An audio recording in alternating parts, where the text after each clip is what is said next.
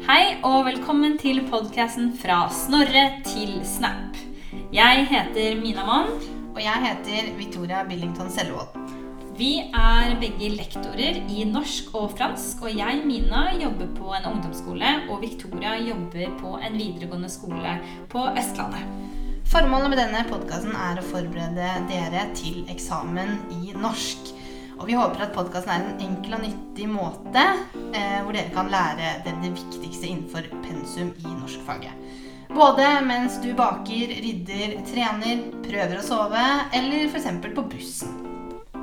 Dette er en podkast som er nyttig for alle VGS-elever, både de som har om et spesielt tema akkurat nå i norsk, men mest av alt for dere som skal opp til eksamen i norsk, både elever og privatister, og som syns pensum i norsk kan være ganske stort og overveldende.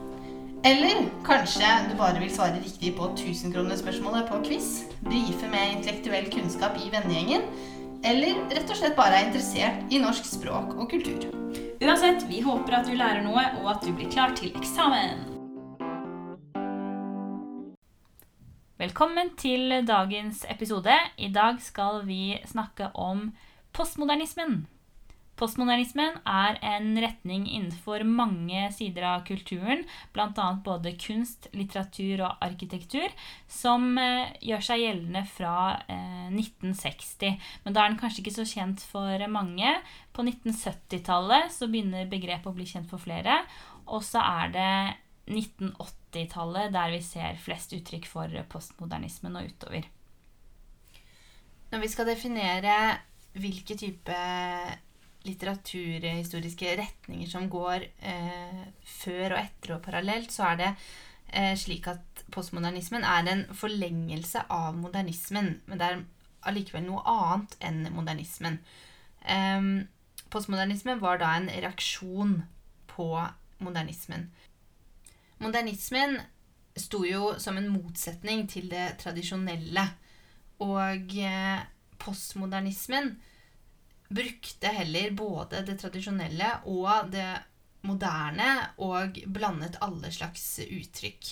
Så postmodernismen har jo da mange innslag fra de tidlige epokene og stilene.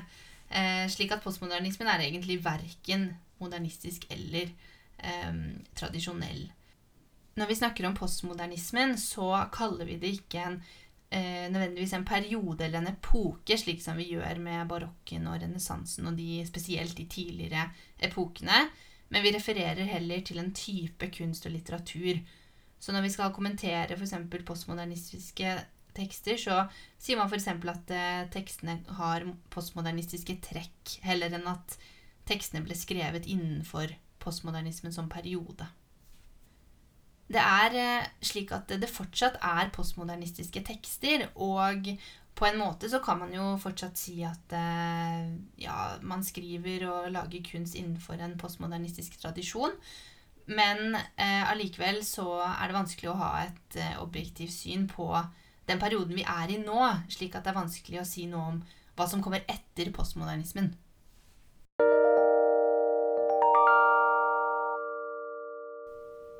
Hvordan er da samfunnsforholdene eh, i Norge og i verden i denne perioden? Det postmoderne samfunnet, altså samfunnet fra 1960 til i dag, eh, er preget av mediekultur og globalisering. Vi lever midt i en konstant strøm av inntrykk og informasjon, og det er stadig vanskeligere å vite hva man skal tro på, hva man ikke trenger å tro på, hva som er viktig og hva som er uviktig. Og vi har stadig mindre kontroll. Det er mange overhengende farer i den tiden vi lever i nå. Eh, global oppvarming, farlige stoffer i mat, radioaktivitet, for å nevne noe. Eh, og det er vanskelig å vite hvem og hva man egentlig kan stole på. Vi har ikke den samme troen på utvikling som vi hadde f.eks. i opplysningstiden. Og vi ser at den eh, stormende utvikling som har vært de siste årene, har jo også ført til mye fattigdoms- eh, og miljøproblemer.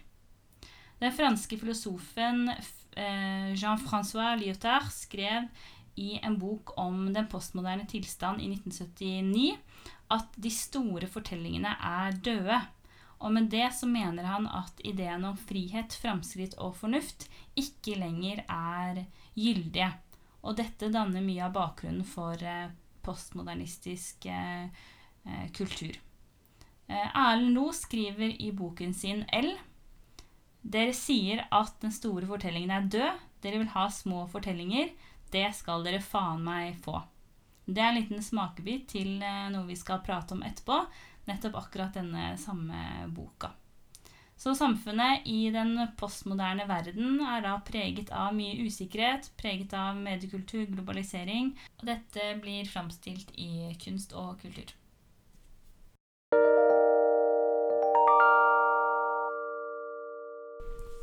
Da skal vi snakke litt om typisk postmodernistisk kunst, kultur og litteratur.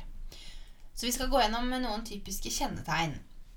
For eksempel så inneholder den eh, postmodernistiske kulturen og tekstene og eh, arkitekturen og kunsten få regler. Alt er tillatt. For eksempel så har man jo tidligere hatt eh, visse regler for hvordan f.eks. et dikt skulle bli skrevet, hvordan et drama skulle se ut. Og f.eks. når det gjelder arkitektur, så hadde man en viss idé om hva som var en pen, estetisk bygning, f.eks. Og da varierte jo også dette for fra det som var typisk i barokken, og det som var typisk i opplysningstiden, f.eks. Mens nå så kunne man blande alle disse ulike stilene. Noe annet som er typisk, er eh, sjangerblanding i tillegg til stilblanding. Eh, blant annet så er det i den postmodernistiske tradisjonen ofte vanskelig å skille mellom fakta og fiksjon, fordi forfatterne eh, blander disse to sjangerne. Også veldig vanlig å eksperimentere med form, som det jo også var i modernismen, men her går man kanskje enda lenger. Så form og uttrykk eksperimenterer man med. Eh, noe man eh, gjør som gjør at eh, postmodernismen skiller seg fra modernismen, er at man bruker de gamle formene, men på en ny måte. Man setter f.eks. sammen gammelt og nytt og skaper noe, noe helt uventet og noe helt nytt. I tillegg så mente postmodernistene at språket er tvetydig. At språket eh, At det ikke kan brukes til å beskrive en virkelighet. Eh, så det de brukte språket til, var jo da å eh, leke med betydningen av eh, det som ble skrevet. Og i tillegg så stilte man så spørsmål til språkets muligheter. Eksempel så mente man at språket skulle fungere som et metaspråk. Det betyr at språket skulle brukes til å skildre nettopp språket. Man brukte altså språket for det det er verdt. Eh, blant annet så eh, lekte man mye med språket i tekstene. Eh, og man brukte også et rikt språk. Altså f.eks. mange ulike måter å eh, uttrykke noe på, da. Og dette skaper ofte et veldig lekent og frodig uttrykk. Mange av tekstene er også ganske flertydige, dvs. Si at det er mye tolkningsrom i dem. Eh, ofte er tekstene ganske åpne, og det krever en veldig aktiv eh, og engasjert eh, leser. Mange av tekstene inneholdt en slik intertekstualitet. Det betyr at i tekstene var det ofte allusjoner til andre kjente tekster. Og her kan man da se denne kombinasjonen av det tradisjonelle og det moderne. I tillegg så kombinerte man da det som man kaller for høykultur og massekulturen. Tidligere, særlig modernistene, var jo veldig imot denne populærkulturen og den masseproduserte kunsten. Mens post, altså postmodernistene de brukte heller denne eh, populærkulturen som virkemiddel. Noe annet som er typisk for den postmoderne diktningen, og særlig kanskje de siste 20 årene, er at den nye medievirkeligheten er sterkt til stede i eh, tekstene. Blant annet så finnes det jo romaner som er basert på meldingsutvekslinger på telefon eller på nett f.eks. Og vi ser at eh, sosiale medier ofte brukes som eh, motiv i tekster og kunst og film og ja. De postmodernistiske tekstene har den samme negative og pessimistiske holdningen til livet, fremskritt og fremtiden generelt som modernistiske tekster. Men postmodernistene de ville vise denne angsten og fremmedgjøringen gjennom ironi og distanse.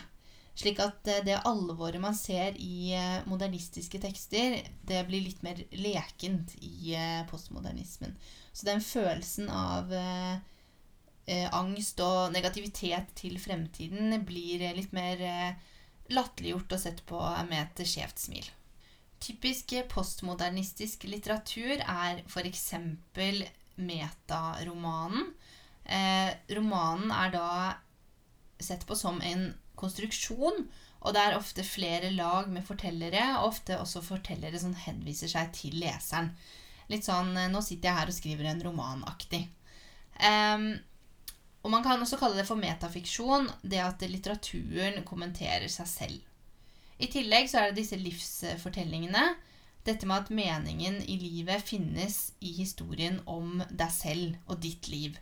Så man skrev da også ofte disse livsfortellingene slik at man kunne finne meningen i livet gjennom egentlig en forklaring av eh, en type livsfortelling, da. I tillegg så eh, er det mange tekster som eh, blir gitt ut som en slags selvframstilling. Det gjelder jo både biografier og selvbiografier. Eh, dette kan vi også se f.eks. på TV gjennom den eh, populære sjangeren reality-TV, f.eks. Der hvor eh, det å fremstille visse personer, visse typer, eller det å også ønske om å fremstille seg selv, blir viktig. Og eh, egentlig en slags eh, oppsummering av disse her ulike typene eh, litteratur, da, det er jo dette skillet mellom fakta og fiksjon som ofte viskes ut. Ofte så eh, har man en idé om at det som blir skrevet, er noe forfatteren har opplevd selv. Noen ganger er forfatteren også åpen om det. Andre ganger så er det mer uklart.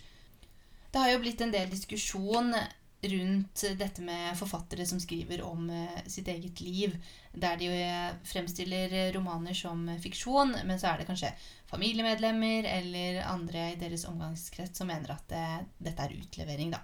Så det er også typisk for, eh, for tekster med et postmodernistiske trekk. Um, noen typiske forfattere innenfor eh, som skriver postmodernistisk, er bl.a. Dag Solstad, Jan Kjærstad og Erlend Lo. Det er noen motiv og temaer som går igjen i postmodernistisk eh, litteratur. For det første så er det flere tekster som tar opp eh, filosofiske, eksistensielle problemstillinger, bl.a. Eh, tekster av Erlend Loe.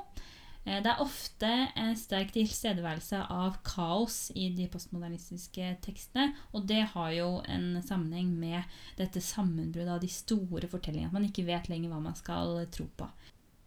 Enkeltmennesket står ofte i sentrum, og tekstene preges eh, av eh, selvopptatthet ofte. Og dette har jo også sammenheng med de små fortellingene som nå kommer i fokus. Eh, Hver enkelts liv blir plutselig det som er viktig. Eh, Språk er et typisk eh, motiv. Eh, Kropp, masker og roller. Og til slutt så har vi tomhet og meningsløshet, som også er typiske ting som kommer igjen i postmodernistiske tekster.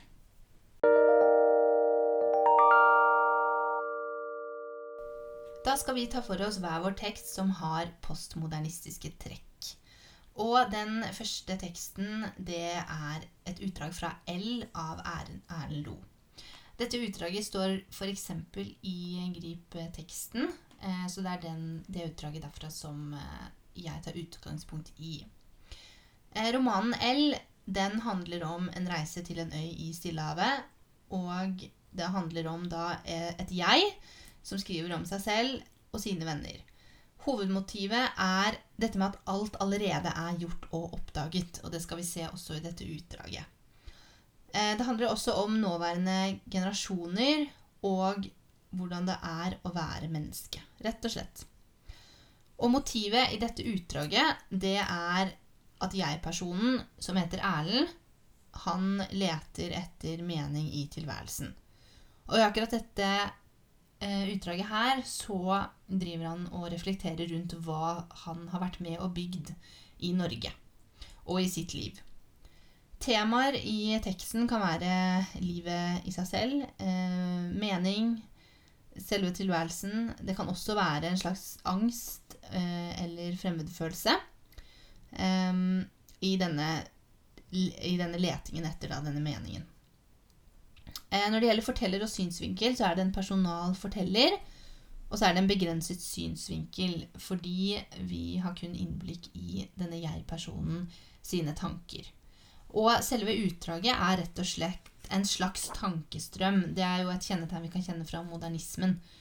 Um, så jeg skal se på noen virkemidler som blir brukt i teksten.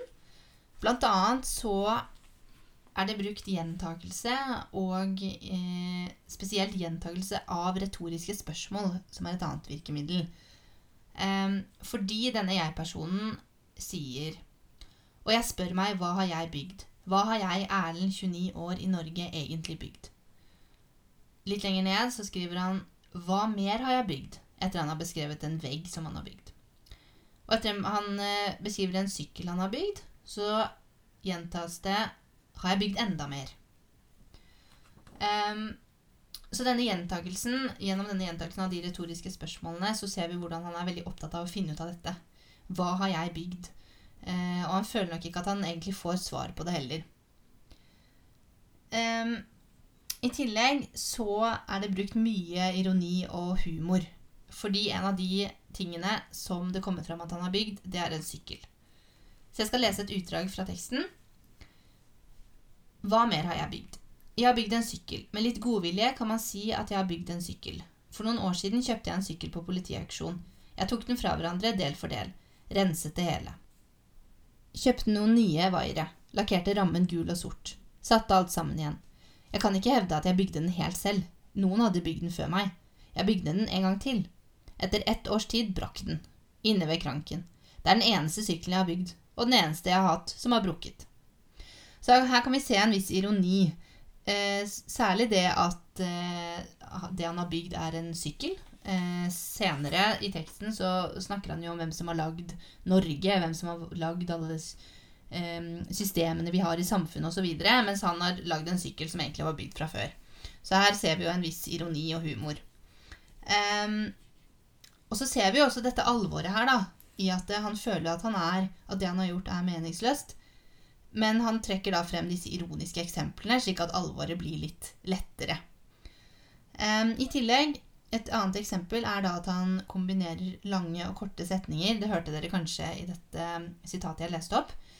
Men vi kan også se at setningene blir kortere og kortere utover i, um, i denne tankestrømmen og i dette utdraget. Jeg uh, skal lese opp også enda et, et eksempel på det. Man har bygd og bygd. Det ene huset har tatt det andre. Og veiene. Tusenvis av mil med vei. Man har brutt land. Brutt og brutt. Fløtet tømmer. Bygd demninger. Togskinner. Fabrikker. Båter. Man har rodd. Sprengrodd.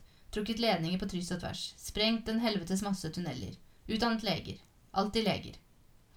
Også litt senere i teksten. Målt og veid. Børsnotert. Man har børs, børsnotert. Trukket i uniform. Pløyd jorda og sådd. Eneste, hvert eneste år har man sådd. Hvete, bygg, poteter. Man har sett, an, sett været an. Alltid været. Ustabilt. Man har høstet og pløyd igjen. Olje. Man har funnet olje og satt penger i banken. Man kan se at ved å kombinere disse lange og, lange og korte setningene, og ved å ha flere og flere korte setninger, ofte også bare enstavelsesord, så kan man få en følelse av at uh, den, denne jeg-personen blir mer og mer stresset over sin egen uh, ubetydelighet. Og gjennom disse virkemidlene så kan vi se hvordan eh, vi kan plassere denne teksten eh, i postmodernismen, eller at man kan si at den har postmodernistiske trekk. Da vi ser denne meningsløsheten, at det ikke er, dette at det ikke er mer å bygge. Fremtiden er usikker. Dette jeget vet ikke hvordan han skal bidra i samfunnet. Så det er jo en, som nevnt en alvorlig situasjon for denne mannen, men det blir fremstilt med et skjevt smil. I tillegg så kan vi se denne eh, balansen mellom fiksjon og fakta. Det er jo en roman som er fiksjon, men det sies også at denne romanen faktisk forteller om en tur som Erlend Lo, forfatteren, selv tok med sine venner. Så man kan jo også tenke seg at dette er tanker som forfatteren Erlend Lo eh, faktisk eh, sitter med. Og man kan da spørre seg om dette er da en fiktiv person eller forfatteren selv. Da går vi over til å se litt på diktet T-banematrisen, som er en del av diktsamlingen Grønlandssutraen, skrevet av Fredrik Høyer og gitt ut i 2016. Og Den ble da gitt ut både som diktsamling og som eh, album. Eh, Fredrik Høyer han er en norsk poet, og han har drevet med performance og slampoesi i flere år. T-banematrisen eh, handler om et lyrisk jeg som hele tiden blir omtalt som du som blir sjokkert og satt ut av å lese en sak i en eh, nettavis mens han er på eh, T-banestoppet ved Grønland. Og hele teksten tar egentlig opp denne tankestrømmen som eh, det lyriske jeg har fra han leser denne artikkelen i nettavisen. Kan være flere temaer i dette diktet. Blant annet så er jo miljøkrise og global oppvarming helt sentralt, fordi det lyriske jeg oppdager at den globale oppvarmingen har kommet veldig langt. Han leser en sak om akkurat dette.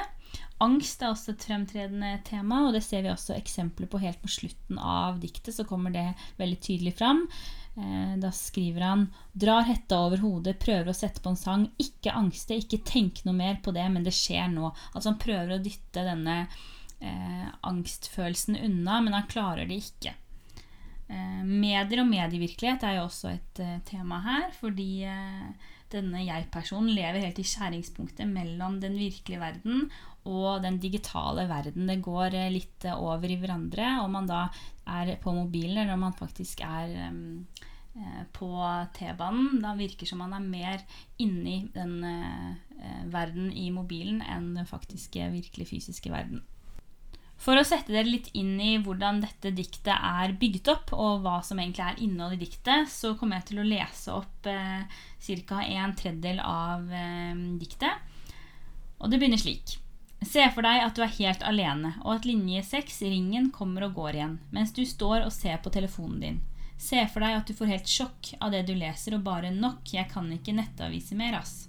Og begynner å gå opp en passasje at på T-banen henger reklameplakater for meditasjonskurs og massasje, se for deg at samtidig så legges det ut en ny rapport, We are fucked, i klimaforskerens twitterboks, hvis permafrosten tines frigjøres gass og feedback looper, og du googler som faen da alt er sant, det skjer faktisk nå. Ja, hva skal vi da si om virkemidlene i dette diktet? Hvordan kommer temaet om eh, miljøkrise og angst egentlig fram? Og hva slags postmodernistiske trekk er det vi ser her?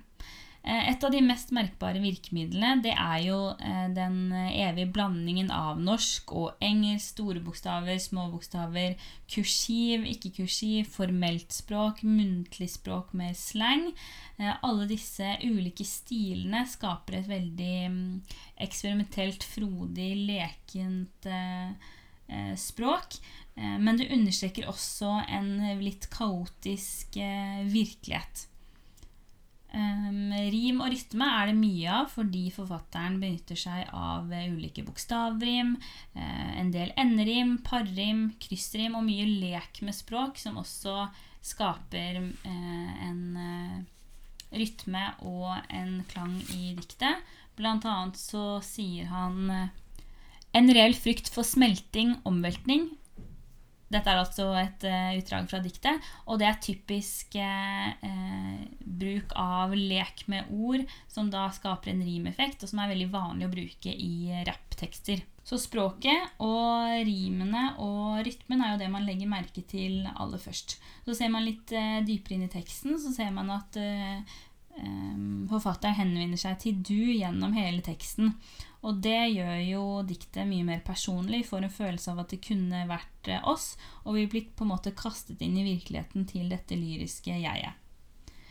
Når det gjelder eh, miljøet hvor eh, selve diktet foregår, så er det nok ikke tilfeldig at forfatteren har valgt T-banen, som jo kan være et bilde på moderniteten og den pulserende og kaotiske byen. T-banen går forbi han uten at han legger merke til det. Og det er nesten som at selve livet går forbi han uten at han eh, klarer å se det, fordi han er eh, fanget av eh, mobilen. Um, det er tydelige kontraster i diktet. Og spesielt gjelder dette eh, alvorlighetsgraden på de ulike nyhetene som er satt eh, opp mot hverandre. Og her ser vi typisk postmodernistisk trekk, fordi alvor og eh, letthet eller humor er satt side om side.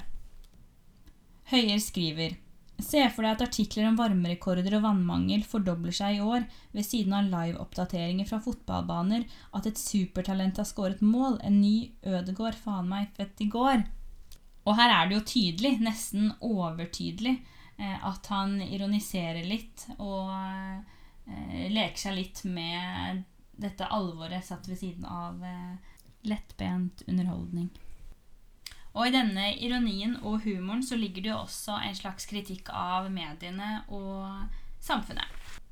Noe som er typisk for både modernismen og postmodernismen, og som vi finner i dette diktet, det er jo eh, denne fremmedfølelsen.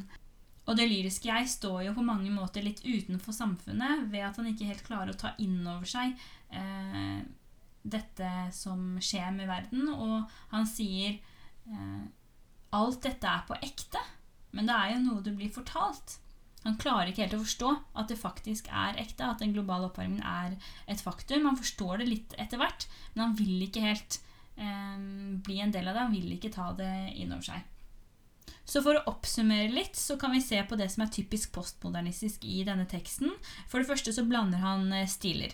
Eh, det formelle og uformelle språket står side om side, i tillegg til eh, norsken og engelsken.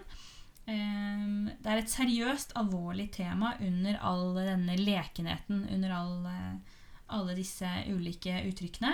Eh, I tillegg så er medienes tilstedeværelse veldig tydelig i dette diktet. Han nevner jo både Twitter, han nevner flere ulike aviser, og mobilen er hele tiden en sentral del av teksten. Eh, men likevel så tar han opp eksistensielle problemstillinger og setter spørsmålstegn ved eh, hva som egentlig er sant. og Eh, det lyriske jeg vet ikke helt hvordan han skal forholde seg til alt dette som han blir bombardert med.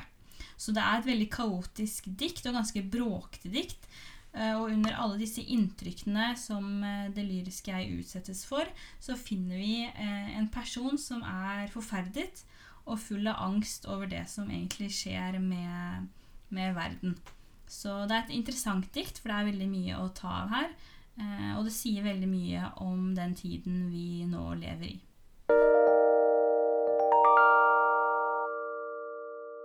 På slutten av hver episode så pleier vi å skape sammenheng mellom den eh, perioden vi snakker om, og i dag. Men det er jo på en måte litt komplisert å gjøre nå, fordi postmodernismen for det første ikke er en gitt periode, men eh, så vet vi ikke helt hva slags periode vi er i nå. Men vi kan jo likevel si litt om, eh, om eh, tilstedeværelsen av postmodernismen i eh, dagens samfunn. Og det er jo Eller vi vet alle at i 2020 så er de fleste stiler, de fleste sjangre, er allerede eksperimentert med. Vi har vært gjennom mange ulike perioder. Og da er det naturlig at de nye kunstuttrykkene som skapes i dag, ofte blir en blanding av ulike sjangre som har vært før. Og det ser vi f.eks. Eh, på ulike TV-serier som, eh, som, dukker opp. Eh, de nye konseptene Man blir jo bare mer og mer kreative. og de konseptene blir jo bare villere og villere. og typiske postmoderne serier eller TV-show, det kan jo f.eks. være um, ja, du, Victoria? Nei, det er jo typisk disse reality-seriene. Farmen blander jo på en måte det gamle fra liksom 1920 eh, og får inn liksom nåtidens kjendiser. Eh, eller så har man jo serier som f.eks. Modern Family, som, hvor det ofte er brudd. Du har jo skuespillerne som tradisjonelt sett eh, blir fremvist på en slags scene, mens plutselig så er det disse intervjuene med personene eh, som forteller rett i kamera og henvender seg til eh, hva skal jeg si eh, TV-titteren. Eh, så egentlig veldig mange sånne type TV-serier vi ser på i dag mange serier som leker litt med den dokumentarsjangeren, selv om de er fullt og helt fiktive. Mm. på en måte, Sånn som f.eks. Modern Family. Mm, og også serier som har innspill av eh, det overtroiske, eh, men som også er ganske realistiske mm, andre deler av serien eller filmen, f.eks. Mm. Og så ser vi jo i eh, Hvis man tar arkitektur, f.eks. Oslo som eksempel, der har man jo disse gamle bygårdene, eh, f.eks. rundt ja, eh, Bislett, Sankthanshaugen osv. Og, og så har man jo Barcode og Sørenga hvor det er noe helt nytt. Så hvis man ser på Oslo by som en, som en helhet, så vil jeg jo si at det kan ses på som litt sånn postmodernistisk, da. Fordi det blander så mye stil, mange ulike stiler. Og eh, mye av eh, nåtidens kunst også er jo veldig postmodernistisk. Og mye av den kunsten man f.eks. kan se på Astro Fearnley. Mm. Blander gjerne populærkultur og eh, høykultur. Um, ja. ja. Det er jo mange som også kritiserer det. Dette med at alt er kunst. Det er så typisk for, for postmodernismen. Jeg tror elevene mine nevnte at det var en De hadde sett en artikkel hvor det var en, en som hadde mistet brillene sine på et kunstmuseum, og så hadde alle begynt å ta bilde av brillene. Fordi man trodde at det var en del av utstillingen. Så det er jo typisk at man tenker at, at alt kan være kunst, da.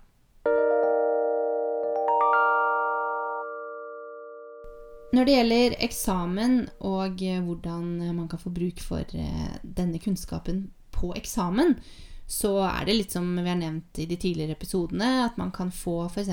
postmodernistisk eh, kunst og litteratur som en oppgave på muntlig eksamen, og at man da må fortelle litt om hva eh, som er kjennetegn innenfor eh, postmodernismen, og eh, plukke ut noen tekster eller kulturuttrykk som eh, får frem dette. Når det gjelder skriftlig eksamen, så eh, vil man eh, kunne f.eks.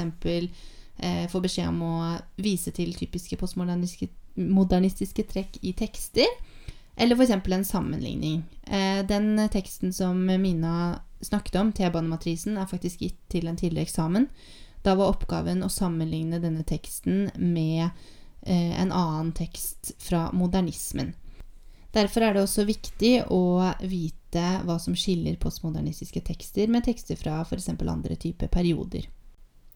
Det var det vi hadde om litteraturhistorie for denne gang. Så neste episode kommer nok ikke til å omhandle litteraturhistorie, men om språkhistorie. Så vi skal ta for oss språkdebatten på 1800-tallet. Det blir spennende. For å lage denne podkasten har vi brukt eh, noen kilder som dere også kan oppsøke om dere ønsker å lære mer om de temaene som vi tar opp. Vi har brukt flere nettsteder. Eh, vi har brukt NDLA. Vi har brukt Store norske leksikon, SNL. Vi har brukt eh, nettsidene til Intertekst. Og vi har brukt et nettsted som heter Lokus, og da først og fremst nettsidene til læreboka Fabel. Når det gjelder bøker, så har vi brukt eh, Grip-teksten, som er et læreverk for videregående skole. Eh, og vi har også brukt eh, Kontekst, tekster 1, eh, en lærebok for ungdomstrinnet.